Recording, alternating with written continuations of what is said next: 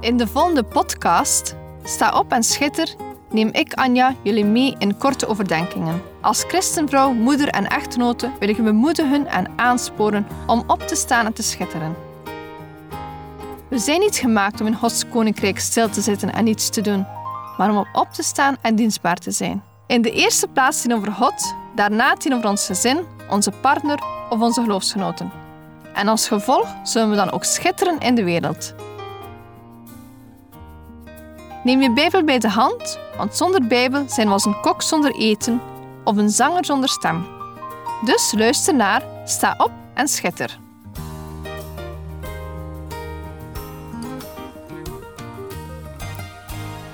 Vandaag wil ik het hebben over geld. Geld is noodzakelijk iets. We hebben geld nodig omdat onze maatschappij erom draait.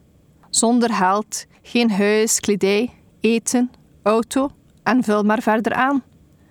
Natuurlijk is niet alles met geld te koop. Arne Harborg, een Noorse dichter, schreef het volgende: Met geld kan je eten kopen, maar geen eetlust. Medicijnen, maar geen gezondheid. Een comfortabel bed, maar geen slaap. Kennis, maar geen wijsheid. Glamour, maar geen schoonheid. Pracht en praal, maar geen gezelligheid. Plezier, maar geen vreugde. Kennissen, maar geen vrienden. Bedienden, maar geen trouw. Geld is belangrijk, maar niet het allerbelangrijkste. Geld heeft ook in mijn leven een grote rol gespeeld. Ik ben opgegroeid in een gezin van zes. Ik heb twee broers en een zus. Vader was de kostwinnaar en mijn moeder werkte als huismoeder. Met geld ging je zuinig om. Ik ben groot geworden met gezegde: voor niets gaat de zon op, voor alle andere dingen moet je betalen. Geld geven aan goede doelen werd bij mij weten niet gedaan. Voor geld moet je werken. Op mijn vijftiende had ik al een weekendjob. Ik herinner het me nog goed. Afwassen in de horeca en later een job in een kaaswinkel. Het was zo fijn om geld te hebben voor die leuke muziekcassetten en leuke schoenen. Mijn opvoeding rond geld speelt vandaag nog altijd een rol in mijn denken. Het heeft dan ook een tijdje geduurd voor ik besefte hoe hard ik vast zat aan geld. Het controleerde mijn hele leven. Risico's nam ik nooit. Ik wilde altijd een spaarpotje voor de veiligheid.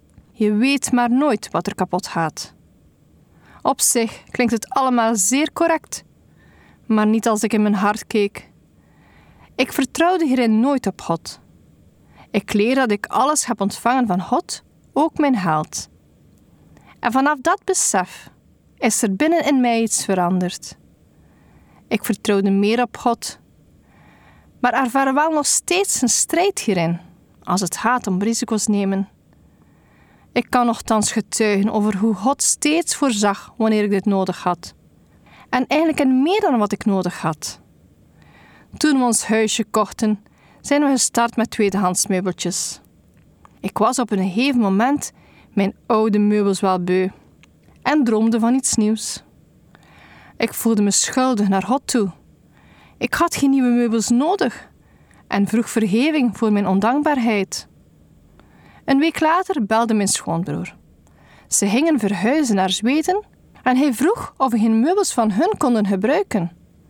In mijn gedachten zag ik die mooie barkast en tv-kast al staan in mijn living, terwijl ik op dat moment nog geen enkel idee had welke meubels ze gingen wegdoen. Je kan het wel raden. Een maand later stonden deze meubeltjes in mijn living. Onze meubeltjes hebben dan ook kunnen doorgeven aan een ander gezin die in nood was. God geeft wanneer we het soms niet verwachten. In de Bijbel wordt er vaak gesproken over geld, rijkdom en armoede. Je komt in de Bijbel ontzettend rijke mensen tegen, als koning Salomo en Job. Tegelijkertijd wordt rijkdom ook erg bekritiseerd in de Bijbel. In Spreuken 18, versen 10 en 11 staat er: De naam van de Heere is een sterke toren. Een rechtvaardige snelt daarheen en wordt in een veilige vesting gezet. Het bezit van een rijke is zijn sterke stad, als een hoge muur in zijn verbeelding. Het contrast valt direct op. God als een sterke toren, een veilige vesting, en aan de andere kant het bezit van een rijke die is als een sterke stad, maar in de verbeelding. Rijkdom kan een valse veiligheid geven en een belemmering zijn in je geloof. Ook in 1 Timotheus 6, vers 17 staat er: Beveel de rijken in deze tegenwoordige wereld dat zij niet hoogmoedig zijn en hun hoop niet gevestigd houden op de onzekerheid van de rijkdom, maar op de levende God, die ons alle dingen in rijke mate verschaft om ervan te genieten. Je moet je hoop vestigen op God, niet op geld. Dat is de ingesteldheid dat we moeten hebben. Sommige gelovigen beweren: als je trouw bent, zegent hij je met rijkdom. Misschien, maar waarschijnlijk niet met de soort rijkdom die je verwacht. Neem bijvoorbeeld Maria, de moeder van Jezus. De engel Gabriel verscheen aan haar en zei: Wees gegroet, begenadigde. De Heer is met u. U bent gezegend onder de vrouwen. Ze mocht Gods zoon ter wereld brengen en werd gezegend. Toch was Maria niet rijk. Ook na de geboorte van Jezus werd ze niet letterlijk rijk. Dat kun je zien aan het offer dat ze bracht. Ze offerde twee jonge duiven, wat aantoont dat ze arm was, want dit was gebruikelijk voor arme mensen. Bij geld en rijkdom gaat het er steeds om op wat ons hart gericht is. De Bijbel heeft veel waarschuwingen over de gevaren van rijkdom. God geeft mensen soms rijkdom. Kijk bijvoorbeeld naar de verhalen van Abraham, David en Salomo. Hoewel rijk zijn geestelijke gevaren met zich meebrengt, kan rijk zijn een zegen van de Heer zijn. De sleutel is om de juiste houding ten opzichte van geld te hebben. Als je rijk bent, wees dan waakzaam. Denk aan de vele gevaren die ik hier benoemde.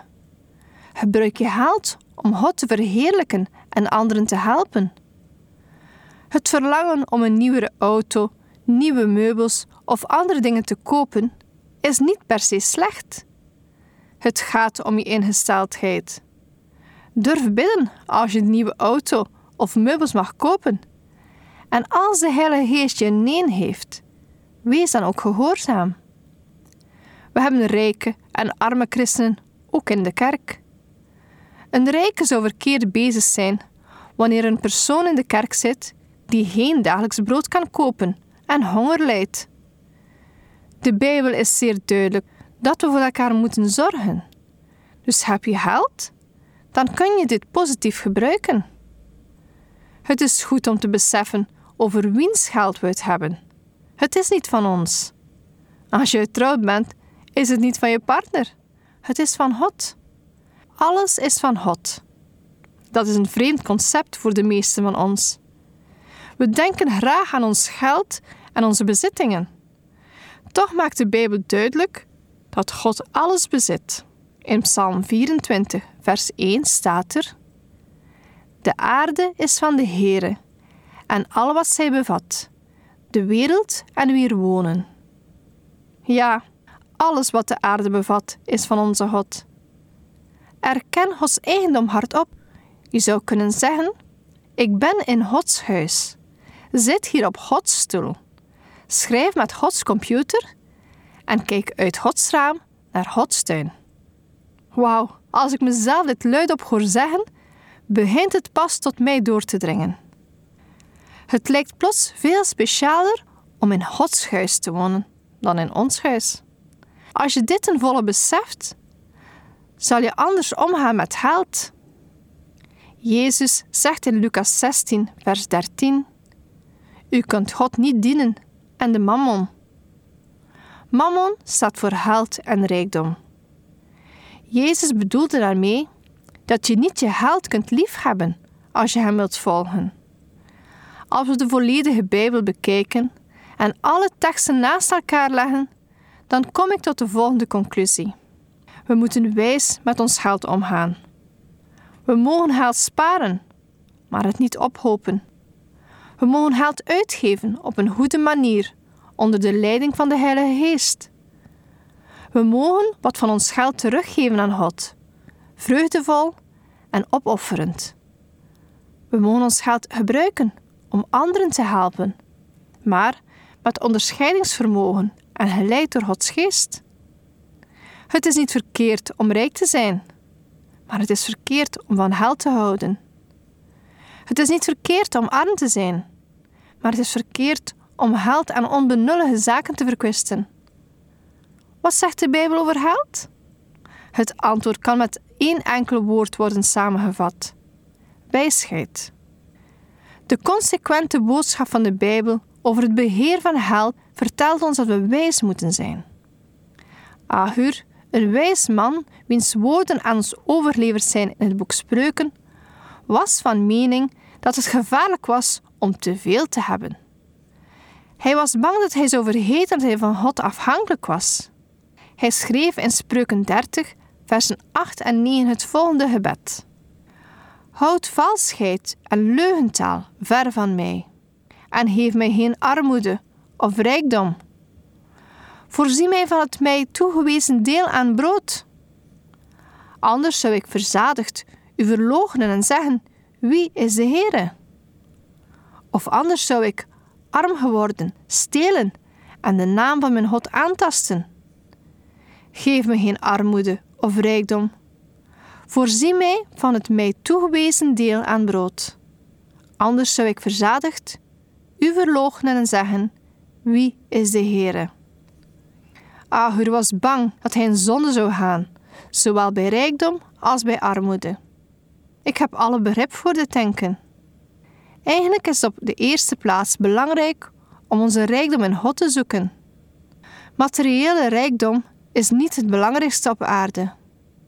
Jezus wijst ons op iets beters dat hij schatten in de hemel noemt.